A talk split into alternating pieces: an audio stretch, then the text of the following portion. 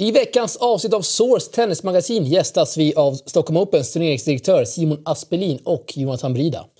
Det blir såklart en hel del snack kring kommande Stockholm Open och vilken spelare som blir turneringens tredje och sista wildcard. Vi pratar också om Jonathan Bridas DC-bragd i Schweiz och listar i vanlig ordning veckans mest obskyra som skämt ut sig rejält. Häng med oss, nu kör vi!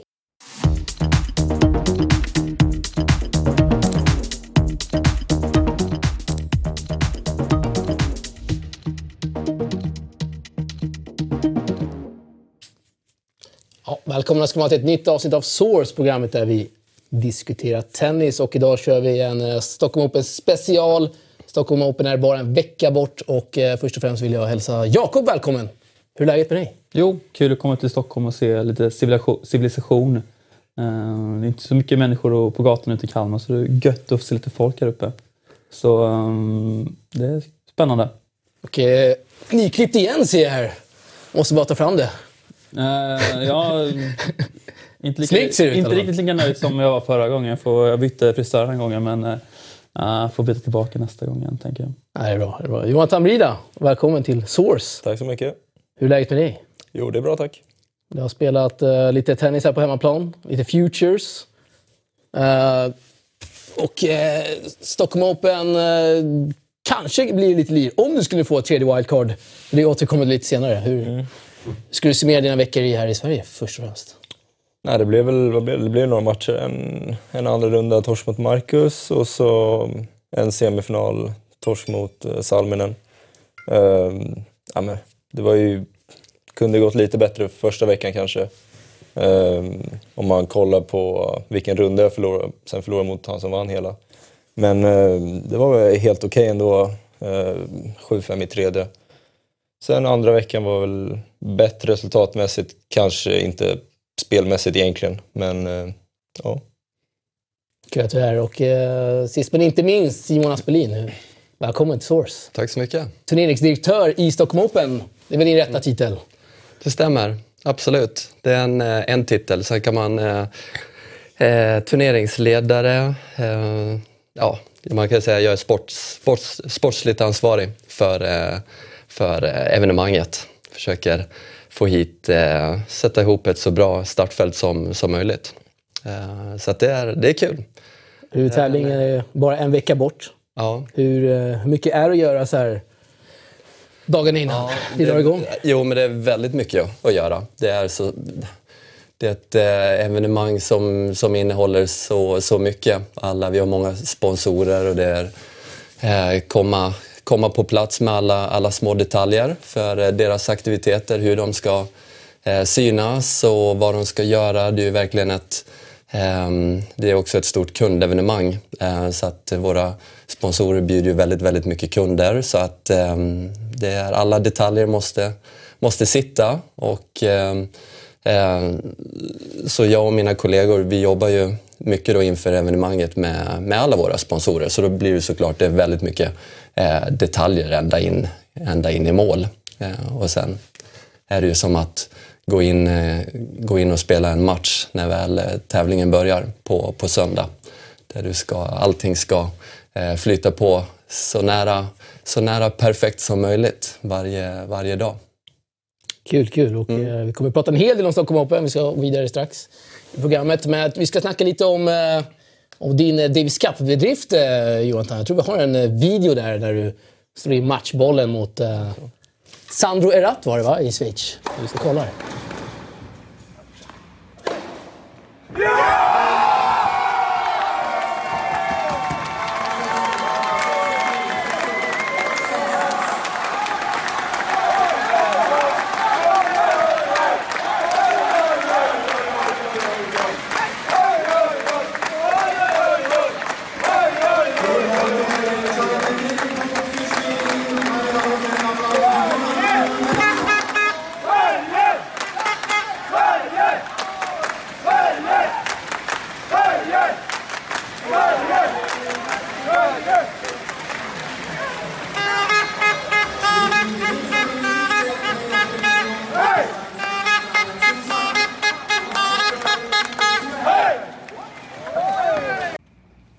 bra tryck där från svenska klacken. Eh, När du kikar på de här bilderna så här efterhand, hur, Vad tänker du? Hur går känslorna? Nej, men jag kommer väl ihåg det mesta där. Eh, det var riktigt kul alltså. Det var bara ja, grymt kul. Och eh, ryktas att du blev lite igenkänd på stan va? Läste någon artikel? Hur Nej. mycket stämmer det? Stämmer inte? Verkligen inte. Alltså. Jag, hop- jag hoppades på att det skulle vara mycket mera, men eh, tyvärr inte än. Blir du besviken då? Nej, nej. Men det var väl någon så här, jag satt på, jag hade käkat lite lunch med en kompis och så var det någon som hade kollat matchen helt enkelt bara och han bad att ta en bild. Oj, det är ändå stort alltså. Ja, det är ändå stort. Ja, kanske det är. Eh, femte avgörande mot Schweiz som sagt. Eh, hur, hur nervös var du inför den matchen, om du nu var det? Hur hög var pulsen? Alltså jo, jo, även fredagen var jag egentligen mera nervös men då, alltså, då kändes det lite bättre från början. Men, eh, för då hade ju Marcus spelat också mot han Hyssler liksom, så han låg ju under liksom 2-0 i set och 4-1 och nästan 5-1 i tredje. Så då körde jag ju sprints på gymmet. Jag bara, han är ju klar om två minuter liksom. Så måste jag försöka vinna mot Laxonen. Och sen tog det ju tre timmar till typ eller något sådär. Och då, då gick jag ju nästan in med så här krampkänning på banan. Jag hade kollat hela matchen liksom. Jag var helt slut när jag gick in. Men sen på söndag då kollade jag knappt en boll. Eh, för då bara hade jag ställt in mig på att spela femte avgörande matchen liksom. Och, eh, så det kändes väl bättre men spelet var inte bättre i början. Då var det tight liksom. Men sen blev det bättre desto längre matchen gick. Hur, eh, hur firade ni en sån här seger? Blev det stökigt där i Schweiz? Nej, nej. Vi, vi käkade, alla skulle iväg tidigt. Jag tror, eh, jag, jag, jag tog eh, bil med Hedsberg och Jonas Svensson Bergvid typ klockan sex på morgonen. Eh, Robban var väl iväg fem på morgonen till Sankt Petersburg så det var väl bara middag där på hotellet med, och så kom alla från förbundet som hade varit där och kollat och stöttat. Så käkade vi tillsammans med alla bara och så var det väl sen gång. Kul, kul. Härligt. Eh, Och, eh, lämnar Davis Cup där och vi går vidare direkt här till Stockholm Open.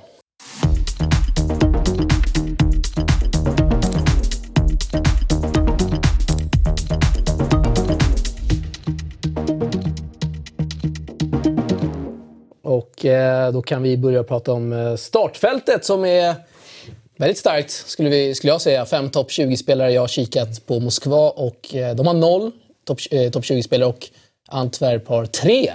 Så ni eh, ligger i topp där just under den veckan.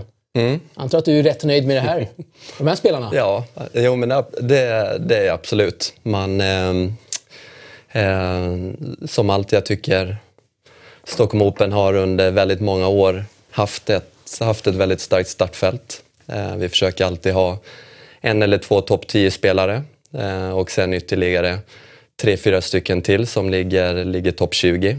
Eh, så att eh, så blir det ju som alltid, man, eh, man konkurrerar just den här veckan då mot Moskva och, eh, och Antwerpen. Så man, eh, man vill ju vara bättre än, än dem. Eh, Så att jag tycker Um, lyckats bra. Vi har eh, den högst rankade spelaren som eh, Isner då, som ligger, ehm, där är han 11. Eh, jag tror han ligger han inte, han ligger nia på racet eh, just nu. Så att då han är ju den högst rankade spelaren som eh, spelar den här veckan. Den, eh, den som ligger efteråt är ju Goffin och han spelar ju på hemma, hemmaplan eh, såklart i, i Antwerpen. Så att ehm, Eh, Så det är kul och sen om man kollar då på eh, de två spelarna här i alla fall som har en riktigt bra chans eh, att gå till slutspelet i London. Då är det ju Fognini och eh, Tsitsipas som, eh, som har hyfsat bra chanser i alla fall. Och det vill vi alltid ha i Stockholm. Eh, De här eh, spelarna som kommer hit och är taggade och eh, riktigt sugna på att få in några rankingpoäng eh, till för att eh, få komma till London. Då. Eh, och sen, eh, sen, sen början av året också så har jag haft som mål att vi ska ha så många utav de yngre spelarna på eh, Milano-racet.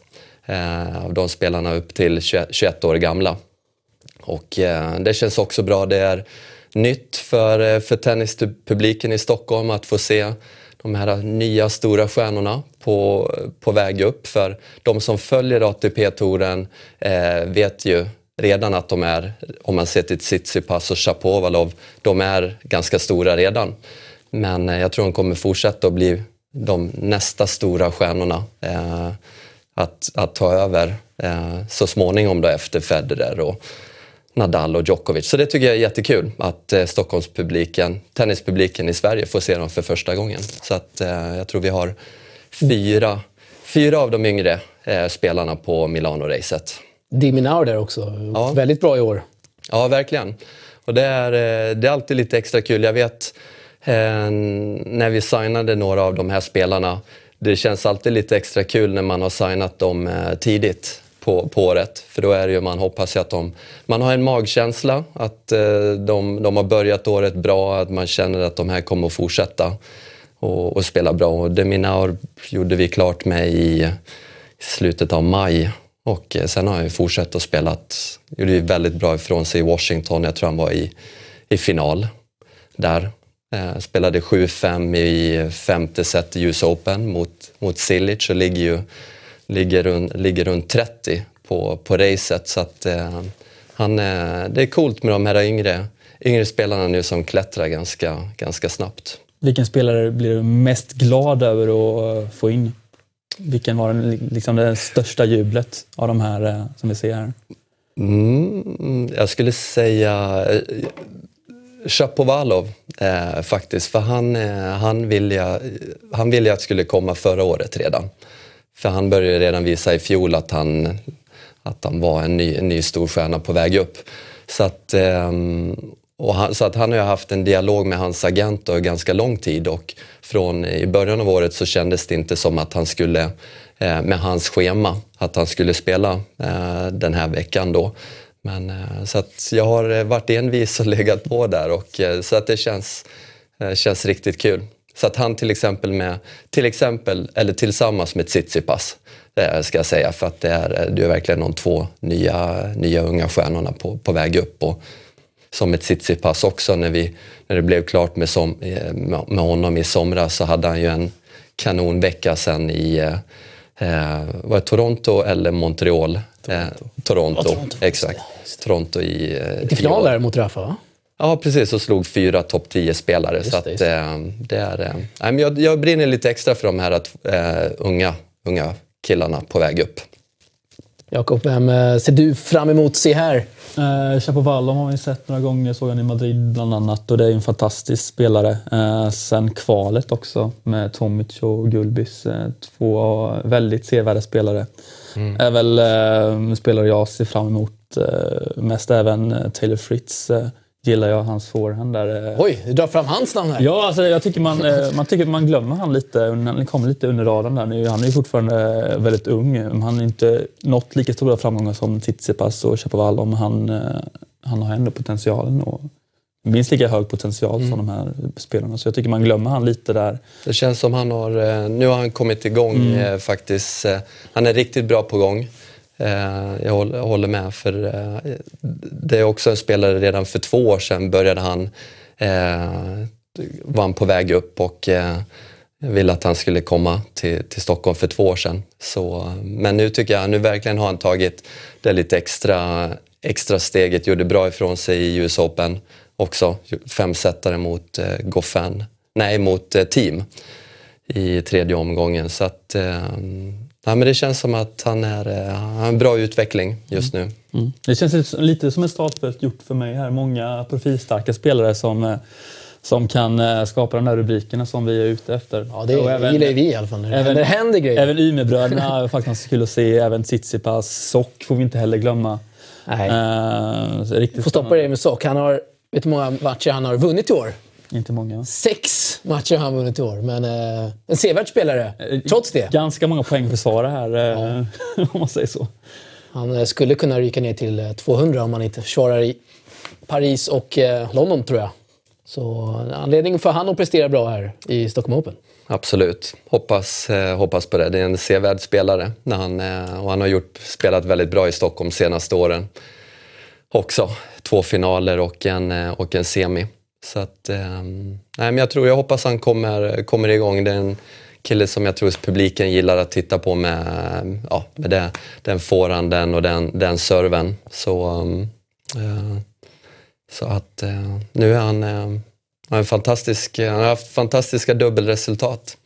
I, I alla fall, jag tror han ligger eh, två eller trea på dubbelrankingen med vinst i, i Wimbledon och, och US Open. Så man hade väl kanske hoppats att det, ibland kan det vara så för en singelspelare när de går ner i går ner i en svacka i, i singeln, att, men så spelar de dubbel samtidigt och så går det väldigt bra i dubbeln, att de, det ger lite energi och positiv känsla för att det ska släppa i, i singeln. Men det har det ju inte, inte gjort än för, för honom. Nej, nej. Och Jonathan, om du nu inte skulle få ett tredje wildcard här, ska snacka lite om det senare återigen. Vem eh, ser du fram emot att se i Kungliga? Mm, ja, men alltså... Jag vet inte, jag tycker väl kanske eh, Diminari verkar rätt cool. Jag har inte sett han live heller. Uh, han är ju så sjukt snabb också. Ser det liksom. Han är ju... Ja, det känns typ som att han kan slå... Han behöver inte slå så bra slag hela tiden för han hinner nästa boll ändå. Uh, så det vore lite coolt att kanske kolla på honom. Och hur går tankarna just kring det tredje wildcardet? Jag vet att ni letar mm. efter spelare som har potentiell chans att spela i London. Jag har kikat. Det är väl Nishikori där som behöver lite pinnar. Dimitrov, Raonic mm. tror jag inte signade ja. nästa vecka. Precis. Några ni kikar extra på kanske? Nej, men det är just det. Det är eh, de, eh, de, de spelarna som du nämner som jag har varit i kontakt med och eh, ända sen det blir ju ända från eh, vid US Open när, när, du ser när startfältet blir klart den eh, mitten veckan av US Open så har du ju då, då pratar du med många av spelarna och eh, e, ända sedan dess så då har jag ju några spelare där agenterna har sagt att eh, håll, håll ett wildcard i, i år för eh, min, min spelare kan, kommer att kunna vara intresserad beroende på hur det går då förra veckan i Peking och Tokyo. Och, eh, så att det kom, kom någon förfrågan i slutet av förra veckan och även, även igår och idag nu då, de första omgångarna i Shanghai har spelats. Så att eh, det är eh, de, de eh, spelarna som du nämner så har jag haft kontakt med. Det är ingen som är klar ännu? Nej, det är ingenting. Vem är närmast då? Avslöjar i programmet. Nej, men vi har, det är ett par, par spelare som har chans på, på London som ligger... Jag kan säga, ja, än så länge Nishikori har jag inte, har jag inte pratat med sista dagen. Han ligger ju närmast mm. till att eh, till att behöva lite fler, fler poäng. Men sen är det ett par spelare som ligger där eh, 17-18 på racet ner till eh, 20-21 där. Så att eh, det, är, eh, det är där det ligger eh, Eh, just nu. Så att ehm, så vi får se. Det är alltid svårt. Eh, sen kan det ju vara ehm, du vet aldrig med spelare, jag vet, jag ska inte nämna vilken spelare i fjol det var, men det kan ju även vara så att en spelare som ligger topp 5 eller topp 6 åker ut tidigt nu i, i Shanghai eller förlorar i andra, tredje omgången. Så helt plötsligt så känner de att ja, men, eh, jag vill spela mer matcher. Så, um, så det, det, är ju inte, det är inte omöjligt att en, att en, en högre rankad spelare som vill komma till Stockholm och spela lite mer matcher så att, eh, vi, vi får se, men eh, det kommer att bli klart. Det blir det ju, det vet vi, närmsta, närmsta par dagarna. vi vänder lite på frågan där. Det är ingen som har dragit sig ur antar jag. Fognini har väl haft lite skadeproblem? Ja. Drog sig ur här i Shanghai va? Ja men precis. Jag hade kontakt med hans agent eh, i morse faktiskt för att stämma av det senaste och det, det ska vara lugnt. Det, är en, eh, det var mer en, en, en stukning eh, så, så att eh, han ska vara okej. Okay. Det ska han vara. Och eh, Isner är, han kommer in, han ska landa tisdag morgon. Han har precis blivit pappa. Så att han, eh, ja, han kommer väl att vara taggad nu. Det, det har varit planen sen, eh, sen lång tid tillbaka. Han vis, visste ju att barnet skulle komma vid den här tidpunkten och att han inte skulle spela i, i Asien. Så att eh, han, han ville verkligen börja i, i Stockholm. Så att eh, han kommer, han kommer in ganska sent, kommer han ju att göra. Så att, eh, det är lite jetlag där. Så vi får se hur, eh, hur han hanterar det. Första matchen kommer in och lirar onsdag kväll eller torsdag kväll. Ja, då är man där, eller Jakob? Absolut. Och eh, biljettförsäljningen då, hur ser den ut i år? Eh, kan du dra några siffror här kanske? Eh, jag ska inte dra eh, specifika siffror, men väldigt bra. Eh, den ligger eh, cirka 25-30 procent eh, jämfört mot i fjol. Så att eh, vi är jättenöjda. Det är, man, om man tittar till ehm, de, de dagar som är populärast så, så är det ju först faktiskt det är lördagen, semifinaldagen. Den, eh, det är den som bokas upp snabbast. Eh, så den är ju i stort sett slutsåld, har varit sen, eh, sen ett par veckor tillbaks. Och sen i fallande ordning är det söndagen kommer tvåa och eh, sen, sen fredagen. Sen har vi ju väldigt mycket biljetter till våra sponsorer för våra tunga, tunga företagsdagar är ju onsdagen, torsdagen eh, de tyngsta och sen även fredagen. Så att, eh, eh väldigt bra. Vi har, eh, jag tycker vi har gjort eh, eh gjort ett bra jobb med marknadsföringen av eh, tävlingen i år. Gått i många, kanske haft ännu mer annonssamarbeten, eh, mer, fler mediapartners än, än tidigare. Och varit lite noggrannare med eh, i vilken tid man ska gå i de olika eh, mediekanalerna. Och så lite bättre, lite mer skräddarsydda eh, biljetterbjudanden också till klubbar och familjer och sådär. Alltså lite, lite mer genomtänkt, så att det är bra. Är det. Hoppas på att det är fyllekungar där hela, hela veckan. Ja. Vi ska inte glömma snacka om uh, bröderna Ymer. De har ju ett varsitt wildcard där i huvudturneringen. Hur mycket skulle du säga att deras uh, betydelse i tävlingen ja, men, betyder för att kanske locka ännu mer publik om det skulle gå, kunna gå bra för dem? Vi minns ju när de vann dubben. Då var det ju väldigt festligt sådär. Och... Mm. Absolut. Mycket drar de publik skulle du säga? Jo, men de drar jättemycket. Det är eh, svenskar överlag i, eh, i, i, våra tävlingar i Båstad och Stockholm. Så det är förutom, förutom de största stjärnorna på touren och de intressanta profilerna så vill ju tennispubliken se våra svenskar. Eh, se svenskar eh, vinna och spela. Det är ju det som gör, får publiken extra engagerad. Så att, eh, om man ser till Elias och Micke senaste åren så det betyder ju jättemycket när, eh, när de vinner matcher. Det blir ju då, stämningen går ju upp en, eh, en nivå till. Det gör det ju verkligen. Och eh, du ser till media un, under veckan så fort en svensk eh, vinner en match eller kanske Ja, så länge de är med. Det är, om man ser då till för två år sedan när de, när de vann dubben, då var de ju med hela veckan. Så att då blir det ju, det skrivs ju verkligen mer ifrån. Det blir ju ett större, eh, ännu större intresse.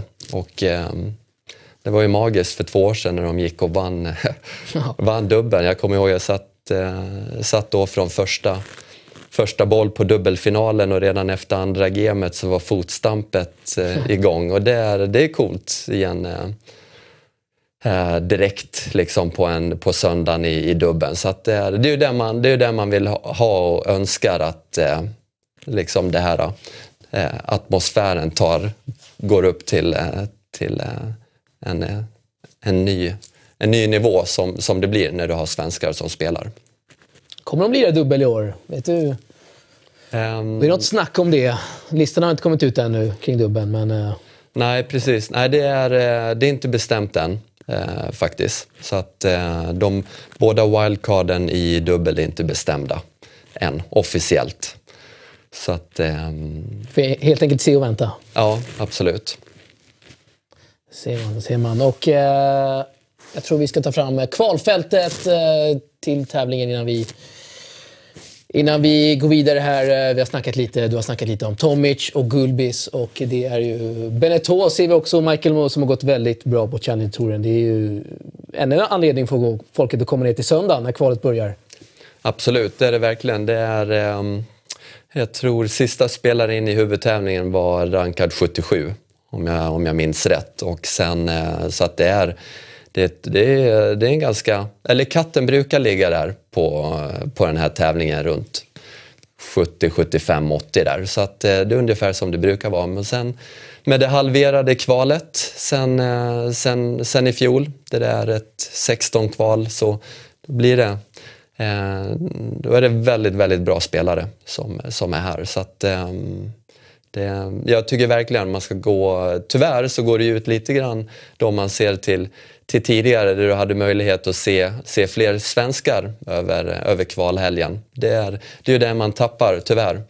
I, uh, som det var i tidigare år där du hade möjligheten att se, se fler svenskar. Du hade då fyra wildcards istället för två wildcards och kanske lite fler svenskar som gick in på, på sin ranking.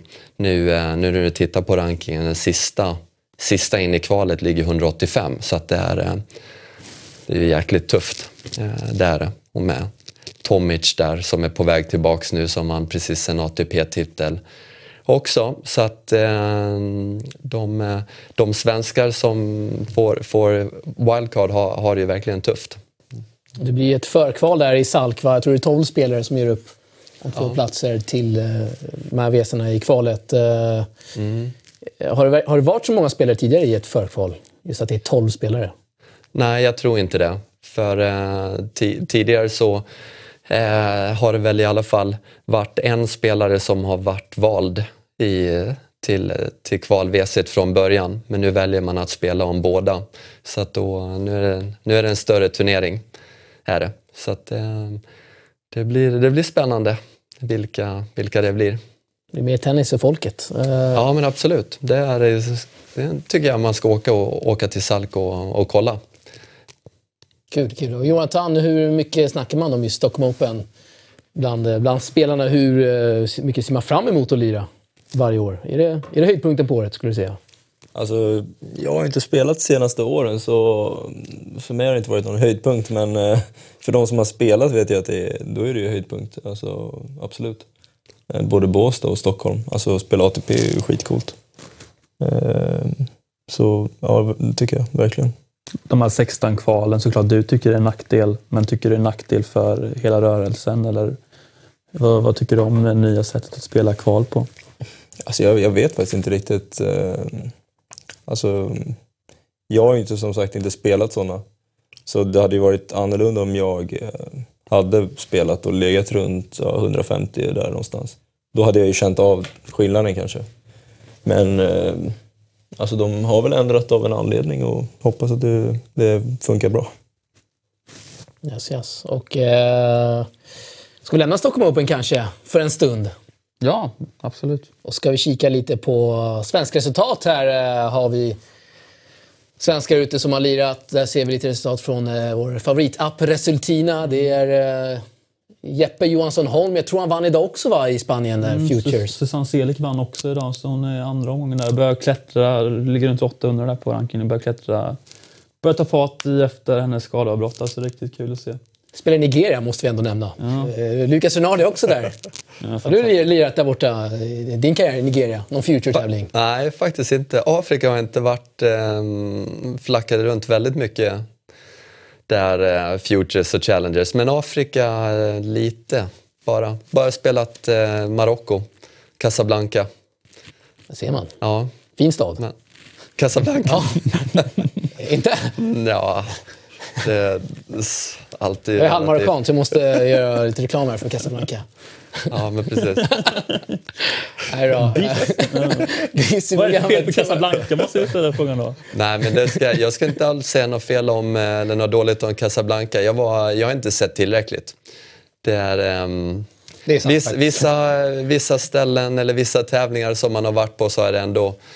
Eh, ibland hann man se lite mer i... Eh, i vissa städer beroende på hur det gick. Och eh, Casablanca blev det ganska mycket hotellet och ut till, eh, till klubben. Mm. Blev någon, det blev besök på någon marknad och moské och sådär. Men nej, jag, kan inte, jag ska inte säga... Jag har inte sett tillräckligt av den staden. Åka tillbaka. eh, lite fler resultat. Miriam Björklund där närmar sig topp 400 för första gången i karriären. Gör en väldigt fin vecka i Portugal. Absolut. Jag slog väl någon uh, sidaspelare där i, i första omgången vad jag kommer ihåg i alla fall. Så det ser riktigt bra ut för Miriam som uh, en, tycker om sitt nya team här med Pim Pim och så vidare. Kul. Hon var med i stort reportage i var det Dagens Industri också i, mm, i veckan här. Uh, så uh, kul med Björklund som uh, även media verkar gilla. Kan, oh. lyfta, kan lyfta svensk damtennis ytterligare kanske. Ambassadör för Uniqlo också. Ja, jag vet, inte vad det är. jag vet inte vad det för någonting riktigt. Jag har aldrig hört talas om det förrän jag såg reklamfilm med henne. Kanske inte... Federer, Federer har ju skrivit ett väldigt lukrativt sponsoravtal Ja, ja, just det. Den japanska... Jag tror Japan, eh, motsvarigheten till H&M va? Uniqlo. Det var faktiskt min före detta rumskompis som gjorde den dealen. Oj, med Federer? Ja. Ja, det ser man. Var My- Mycket pengar inblandat. Det är, eh, jag pluggade ju på Pepperdine i fyra år och var då rumskompis med eh, en japan som spelade på laget också, Hide Sakamoto. Och han eh, jobbar eh, för Uniqlo då sen, eh, sen många år tillbaks och har tagit hand om eh, eh, Nishikori och eh, Djokovic. Så att han, han, han gör, tar hand om Uniqlo-spelarna och är högst, väldigt involverad i de dealerna.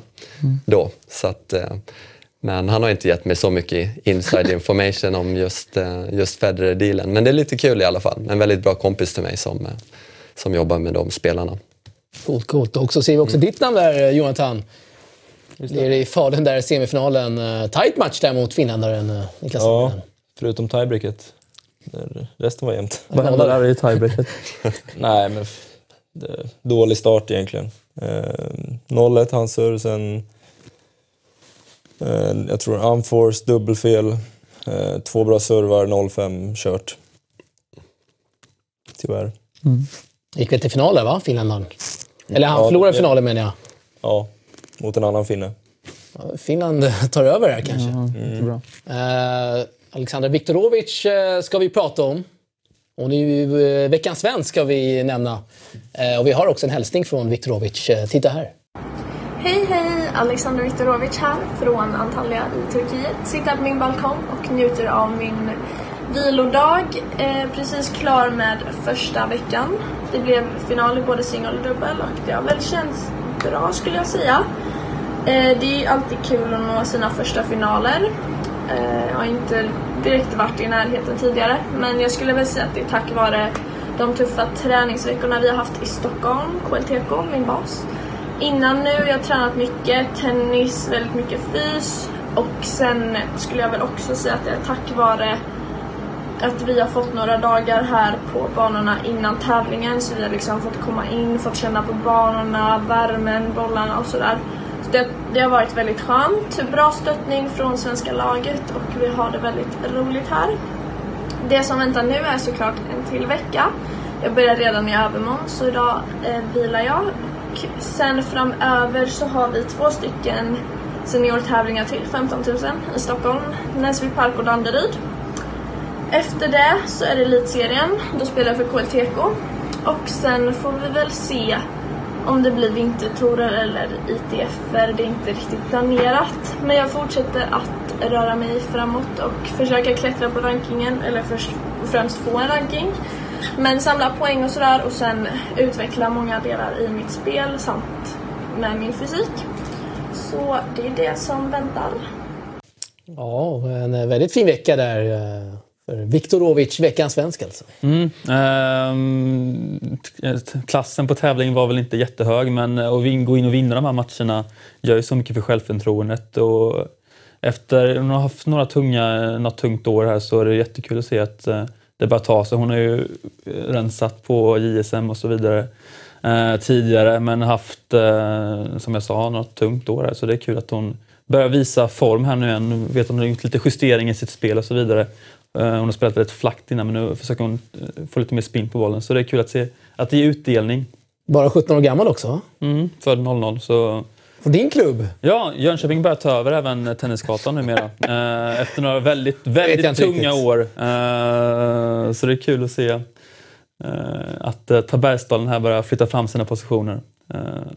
Vi har någonting bra där i Tabergsdalen. Både hon och Milisevic var klara. Mm. Som också gjort väldigt fina resultat. Ja. Bland juniorer. Precis, får se. Vad är hemligheten? Du som är involverad lite i klubben. Kanske ligger något i vattnet där i Norra Hammar, jag vet inte. Nej, faktiskt. eh, Det är nog en hårt arbetande klubb. Ehm, Men det kanske är mycket slump också. Det brukar väl vara så. Att eh, rätt, för, rätt spelare föds på, på rätt plats. Ja, eh, Viktorovic. Kul. eh, Når sin första ITF-final. Eh, och eh, vi ska också kika på din säsong Jonathan. Jag tror vi har en grafik bild där. Får du summera 2018 lite här? Uh, började spela ganska sent va, in på året? Jo, jag hade lite problem med mitt knä. Eller lite. Det var väl rätt kört ett tag. Uh, så jag kunde inte spela. Uh, och vad är den första då? Just det. Längst ner där va? Ja, just det. Ja, det blev liksom två. Just det. Nej, men första där var Italien. Och jag hade tränat i Spanien innan, eh, i Alicante. Jag får lite hjälp vissa veckor av Pedro Rico som har gått på Pepperdine också faktiskt. Mm. Och coachade Kasper innan, så jag har fått lite kontakt där. Så jag tränade där, åkte, hade jag kört mest rehab egentligen och lite, eller rätt mycket terapi för mitt knä. Att det skulle bli bra så att jag skulle kunna spela. Eh, så det var väl lite, lite första testet. Eh, från förlorade mot han Giacalone då. Eh, runt 500 tror jag. Sen andra veckan så vann jag en match, sen skadade jag ryggen faktiskt i, direkt egentligen. För jag, var, jag kände väl lite innan matchen, efter min första match, att höfterna var lite så stela. Och, för det var ju december innan var väl senaste matchen. Men eh, så jag var tvungen att ge upp där tyvärr. Eh, fick en låsning i hela ryggen helt enkelt. Sen fick jag ett WC där till, i Båstad Challenger. Eh, Oliveira han var lite, lite för bra. Eh, med min form där i alla fall. Tampere, ja, 7-6 avgörande där. Hade två, tre matchbollar. Så, så det, var väl, det var väl lite tung. Men där kände jag väl att det, spelet kändes lite bättre i alla fall. Eh, för Durasovic är ju ganska bra. Han ligger väl runt 300-400 tror jag. Spelar i eh, Sopot där va? Polens motsvarighet till Båstad. Ja, just det. Ja, det, det är ett fint ställe. Ja, det är fint. Finare än Casablanca kanske? ja, alltså... Det blev väl det blev mest eh, hotellrummet där faktiskt, för det regnade egentligen hela tiden. Så spelade ju på lerbanor nästan och det var, det var riktigt svårt att, att både träna och eh, matchbanorna var, var knappt eh, i, igång när vissa matcher spelades. Då var det liksom nästan lite farligt och linjerna gick upp och sådär. Men eh, ja, han fransmannen, han blåser ju på allting. Slår på, står på baslinjen och bara vråldrar eh, egentligen. Och han spelade riktigt bra den veckan faktiskt. Jag tror han gick till semifinal och förlorade mot Lorenzi. Så jag kände väl i den matchen att uh, han, var, han var too good liksom den dagen. Vi ser att du började ganska sent här som sagt. Men uh, minns att du spelade in på december va, förra året? Jo, I en tävling i december. Qatar va? Så, ja, precis. En tävling där. Var det där du skadade dig? Nej, jag var faktiskt i, i Miami och tränade. Jag, jag blev bjuden av Monfils och, och tränade med honom. Och i Crandon Park där. Eh, så vi tränade skitbra egentligen. Men problemet var att jag hade inte riktigt fått, fått så mycket vila och fysträning efter serien och Qatar. Så det blev liksom rakt in på tennis med Gael och, och Fognini och de där killarna som var där. Liksom. Så då, och de hade ju kört deras fys innan. Mm. Många berömda videos därifrån med Monfisten. Mycket butts up! Bara var, det, var det det som skadade? Ringa efter ödlor och vet, så här, när man torskar.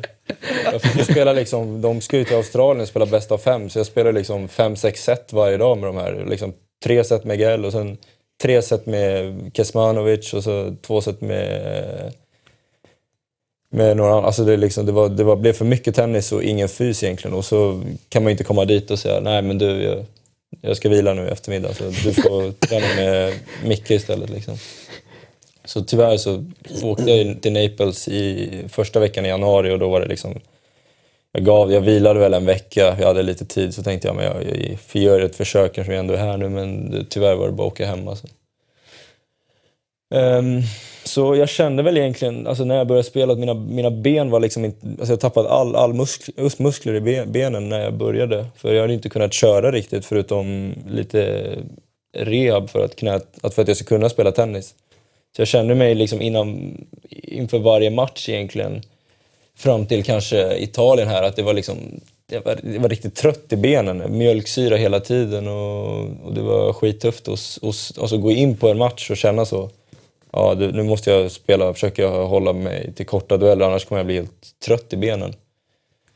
Eh, men så var det en vecka där i Finland, det var väl inte jättebra vecka där. Så åkte jag till Cordenon, spelade kvalet där eh, samma vecka på helgen. Då, då slog jag två bra spelare. Relativt bra. De, Grenier är väl 350 eller något sådär tror jag och De Bruyne kanske 400-500 eller har jag något sådär. Och så Kouakoua låg ju typ 800-900 men han, han har ju varit topp 200 tror jag. Eh, varit skadad och han, han gick ju långt i den tävlingen också. Så det, så det var, det var faktiskt, där började spelet kännas lite bättre. Eh, sen eh, blev det något litet avbrott där, eh, lite, några veckor. Så åkte jag i alla fall till Italien, eh, spelade en 25 eh, kvart, kvart torsk där mot han som vann tävlingen. Hade väl en setboll i andra set, eh, två kanske till och med. Men, eh, men eh, ja, det gick tyvärr inte. Och sen DC där då. Och eh, då började väl benen kännas bättre egentligen. Eh, kände mig lite, lite starkare och jag tror de, Johan kände väl det under veckan också när vi tränade att jag orkade springa spela liksom 3-4 timmar varje dag i sträck och orkade köra utan att få ont eller eh, bli trött och sådär. Så det var ju kanske lite vändningen där, alltså det fysiska och även att spelet kändes lite bättre. Jag hade väl sett boll mot Laxonen och var väl nära i första set. Eh, men han, han, han ligger ju runt 100 så han var, han var tyvärr lite för bra. Jag tänkte fråga där, vad, känner du att det är någonting som skiljer där när du möter en spelare som ligger just runt 100 i världen? Ja, men alltså, inte för att vara liksom så här eh, stöddig på något sätt, men alltså de, de som är bakom 400, de är inte så himla bra. Eh, som, som jag trodde för kanske två, tre år sedan.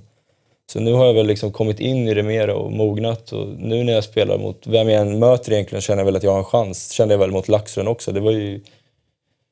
Det var väl att, de, att, han, håll, att han höll nivån eh, längre under, alltså samma nivå under hela matchen och kanske höjde sig lite såklart när han vinner första set, kan spela ut ännu mer. Men, men det är ju liksom, vara stark i benen, orka orka i pulsen och spela varje poäng. För det, det, desto bättre spelare man möter, desto, inte långsammare, men desto mer kontrollerat spelare.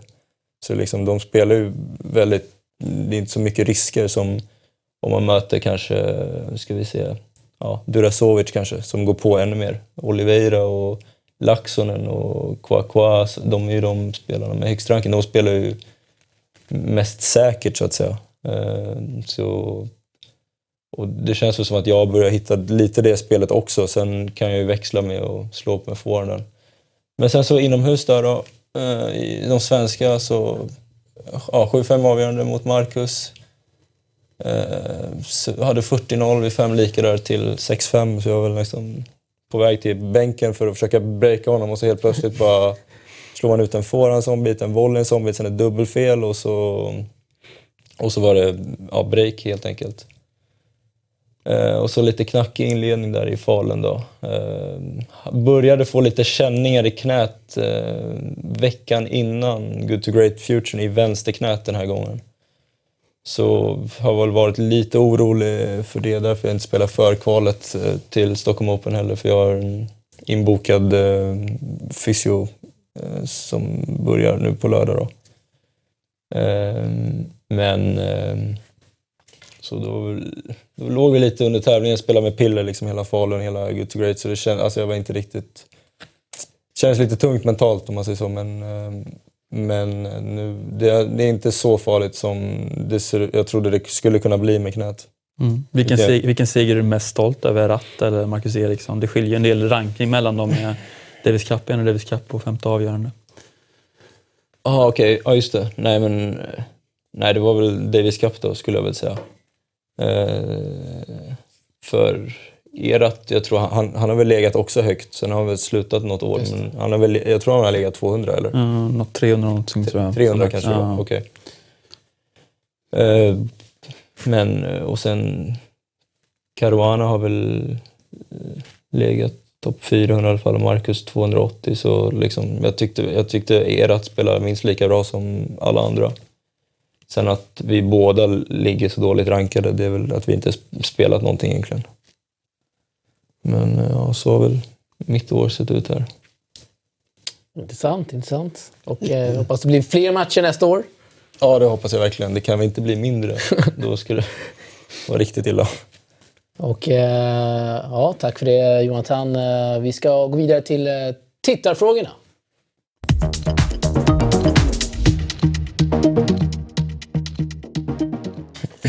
Och eh, vi har fått in en hel del tittarfrågor via våra sociala medier eh, till, eh, till båda er. Och tänker vi köra varannan här. Vi börjar med dig Jonathan. Vad krävs för att du ska ta nästa steg och komma upp på topp 500?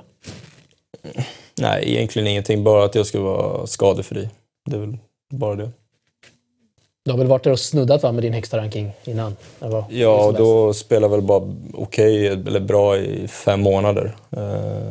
Sen innan det var det väl inte jättebra. Började faktiskt eh, med en ny tränare, med, med min italienare då, eh, Luca på GTG. Och då ändrade vi faktiskt spelet början av förra året. Eh, backa bak och liksom testa att slå innanför linjerna lite. Eh, och, och ändrade lite mitt spel liksom. Eh, och det tycker jag har funkat eh, ganska bra liksom. Eh, så, ja. Härligt. Och eh, Simon, eh, saknar du touren något? Absolut, det gör jag. Ehm, speciellt... Eh, jag reser ju lite grann i jobbet i vissa, vissa tidpunkter när, det är, när man behöver ut och, och träffa, träffa agenterna och spelarna lite grann och då blir det ju extra, blir man sig extra påmind om eh, ja, hur det var att vara ute och spela. Så att eh, absolut, det, det gör jag. Det var ganska jobbigt i, eh, i, eh, inte bara i några månader utan jag skulle säga tre, tre fyra år faktiskt. Så, så ehm, det är tufft att sluta. Det är det. För det är en så, helt, det är så otroligt stor omställning där du, där du har gått ifrån att dels du, har le, du har levt på, på din hobby som du ville, man ville bli tennisproffs redan när man var liten och sen blir det förverkligat och man, man gör det under en, ja jag gjorde det fram tills jag var 37 då. Så att och den omställningen att sluta med det och sen gå till hit, hitta någonting annat eh, som, som ska vara helst lika kul. Det är inte så lätt. Eh, och sen livsstilen, att vara ute och, och resa mycket. och eh, ATP-touren är ju, ja, framförallt då när det går bra, så då känns det ju som världens bästa jobb. Och eh, det är eh, en rolig livsstil och du träffar eh, dina kollegor, kommer ifrån hela, hela världen. Så att det, är, det, är klart, eh, det är klart att jag, jag, jag saknar det. Fast nu har jag kommit in, det var ju ändå jag slutade eh, Swedish Open 2011. var, var ju min sista tävling och nu har det gått några år så att eh, nu, eh, nu har man anpassat sig och eh, kommit in i en annan, eh, en, annan, en annan fas i livet också så att jag har ju två, eh, två små barn också som är, är det bästa som finns. Så att, eh, det är, eh, men absolut, jag, jag saknar och det finns ingenting nu i vardagen i det, eh, det jobbet som man har som är svårt att jämföra mot att gå in och vinna en, vinna en match eller att åka iväg och vinna en tävling. Den, den direkta adrenalinkicken och eh, bekräftelsen på att du, att du är bra på, på någonting. Den är, den är svårare att hitta i, i vardagen. Så. Går den att hitta, tänkte jag precis fråga. Jag vet att många spelare pratar om just den här adrenalinkicken, att den, Ja, men det är svår att hitta. På. Ja, den är väldigt sätt. svår att hitta för den är, det går ju inte att jämföra mot, eh, mot, något, mot ett vanligt, vanligt jobb. Här har du, du, får, du spelar inför, inför publik, du tar ut dig fysiskt och, eh, och att vinna, vinna då en match eller en titel, nej det går, det går inte. Inte för mig i alla fall. När du signade Chapovalov var det, var det lite... Ja, men det är lite... ehm, var det command då eller vad? Come on, i Ja, men precis. Jo, men absolut. Det, absolut. Jag, fast det, det, det är ju ganska... Jag är ju jätte, jätteglad att jag får fortsätta att jobba med tennisen. Men, eh, men mer affärssidan utav det med att driva, driva ett evenemang och, och eh, att, eh, att driva ett evenemang som går bra och få hit ett, ett så bra startfält som det bara går. Så att, det tycker jag är fantastiskt kul när man åker, åker till US Open nu och, och träffar agenterna och får, ja, att for, fortsätta att jobba med, med tennisen. Så att, det, är, det tycker jag. Och så, det är, du, kan alltid, du ska alltid ha lite flyt när du, när du jobbar med ett startfält också. Du, du kan ju bara gå, gå på din magkänsla och vilka spelare som ska fortsätta att gå bra efter att man har signat dem. Så att det, det är väl ganska nära faktiskt när du signar en, en riktigt lovande och sen att de fortsätter att gå bra fram till tävlingen. Känns som ditt liv är helt okej okay, i alla fall ändå. ja, absolut. Nej men jag, eh, som sagt, jag tycker det är otroligt kul att, att jobba med, med det här evenemanget och få fortsätta att jobba med tennisen. Så. Men eh, nej, att hitta, eh, hitta eufori som du upplevde som ibland när, när du spelade Davis Cup till exempel och förlaget och, och vinna förlaget eller vinna en titel. Hela, det, den, är, den, är inte så, den är svår att hitta. Tänker mig det. Mm. Uh, Jonathan, nästa fråga. Hur finansierar du din tennissatsning? Ja, det är inte genom prispengar än i alla fall.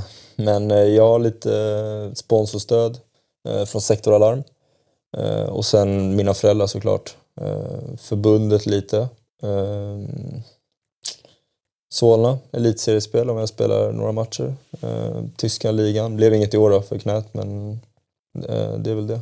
Hur ser, hur ser förbundets stöd ut egentligen? Eh, de, de har gett lite olika former men det är väl mest att man får en summa och så, och så behöver man redovisa. Och så.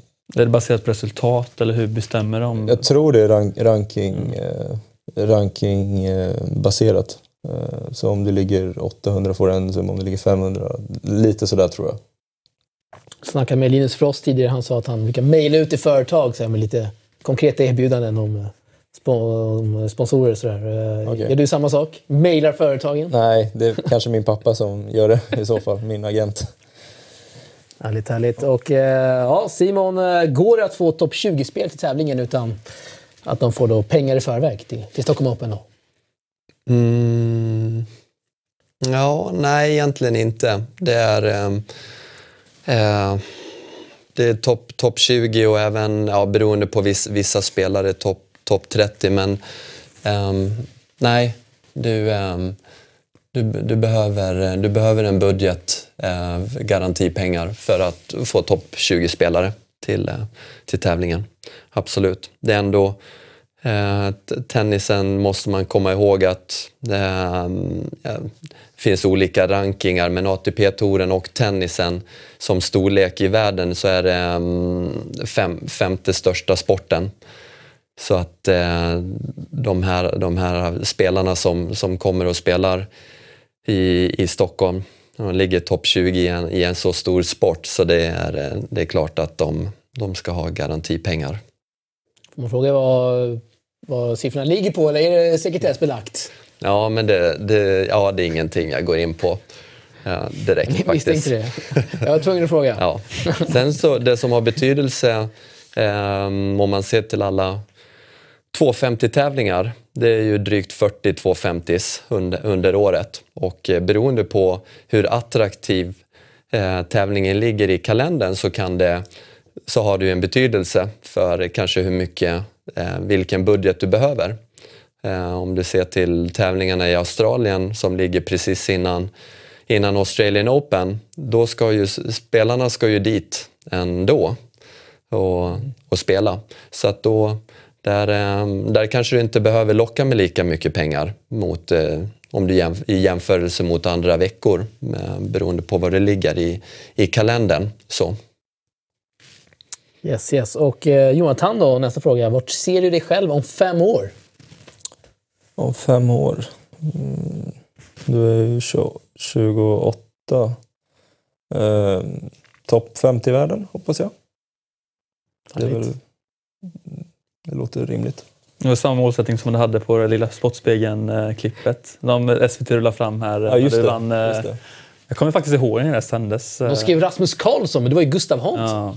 Nej, det är riktigt obskyrt av SVT. Det är som vanligt eh, inne och klagar på Ja, det, vi har klagat mycket på SVT, med all rätt. Mm. Uh, Deras tennis... Bra klipp var det ändå. Ja, det var riktigt kul att se. Hur många gånger har du sett det? Eh, jag såg det en, kanske två gånger när det kom ut och så en gång nu. Mm. Gustav Hansson, det är han som missar smashen där va? Ja. Ja, det kan jag inte vara allt för nöjd med alltså. Nej. Rasmus Karlsson, Gustav Hansson, det är inte ens, inte ens lik. Nej, nej. Nej, nej. Nej. men eh, jag vill lämna det kanske. Och eh, Simon då? Eh, Kyle Edmund och eh, St- Stan Wawrinka har ju svenska coacher. Eh, borde öka chansen att få se dem i Sverige på hemmaplan, men det verkar inte så. Har du pratat Nja. med coacherna, Nordman Ja, och Fidde? det har jag absolut, ja, men det har, har jag absolut gjort. Så att, ja, men både och. I, i, år, ehm, I år föll det inte på plats av, av lite olika anledningar. Eh, men det, är, det, det ska hjälpa en, en del. Eh, jag, vet, jag vet att både Fidde och eh, Magnus eh, gärna hade sett att spelarna kom och spelade i Stockholm nästa vecka. Så, men ja, i slutändan så i, i, i Kyle Edmunds fall i, i år varför han inte spelar Stockholm det var för en deal som gjordes i Antwerpen redan i fjol, en tvåårsdeal.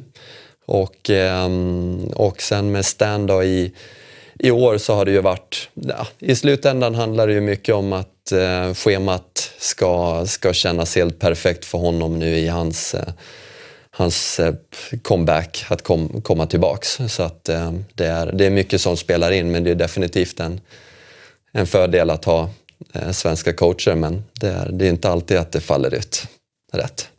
Ja, nej. Eh, har du någon fråga Jakob, som du vill flika in här?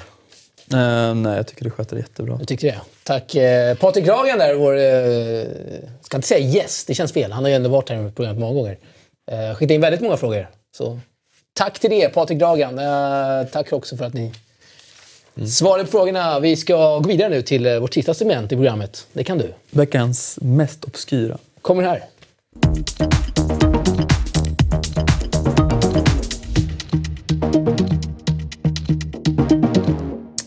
Eh, veckans mest obskyra har vi i varje program och den här gången så är det eh, Fernando Verdasco som har eh, skämt ut sig ganska rejält. Inga roliga scener eh, var det verkligen inte.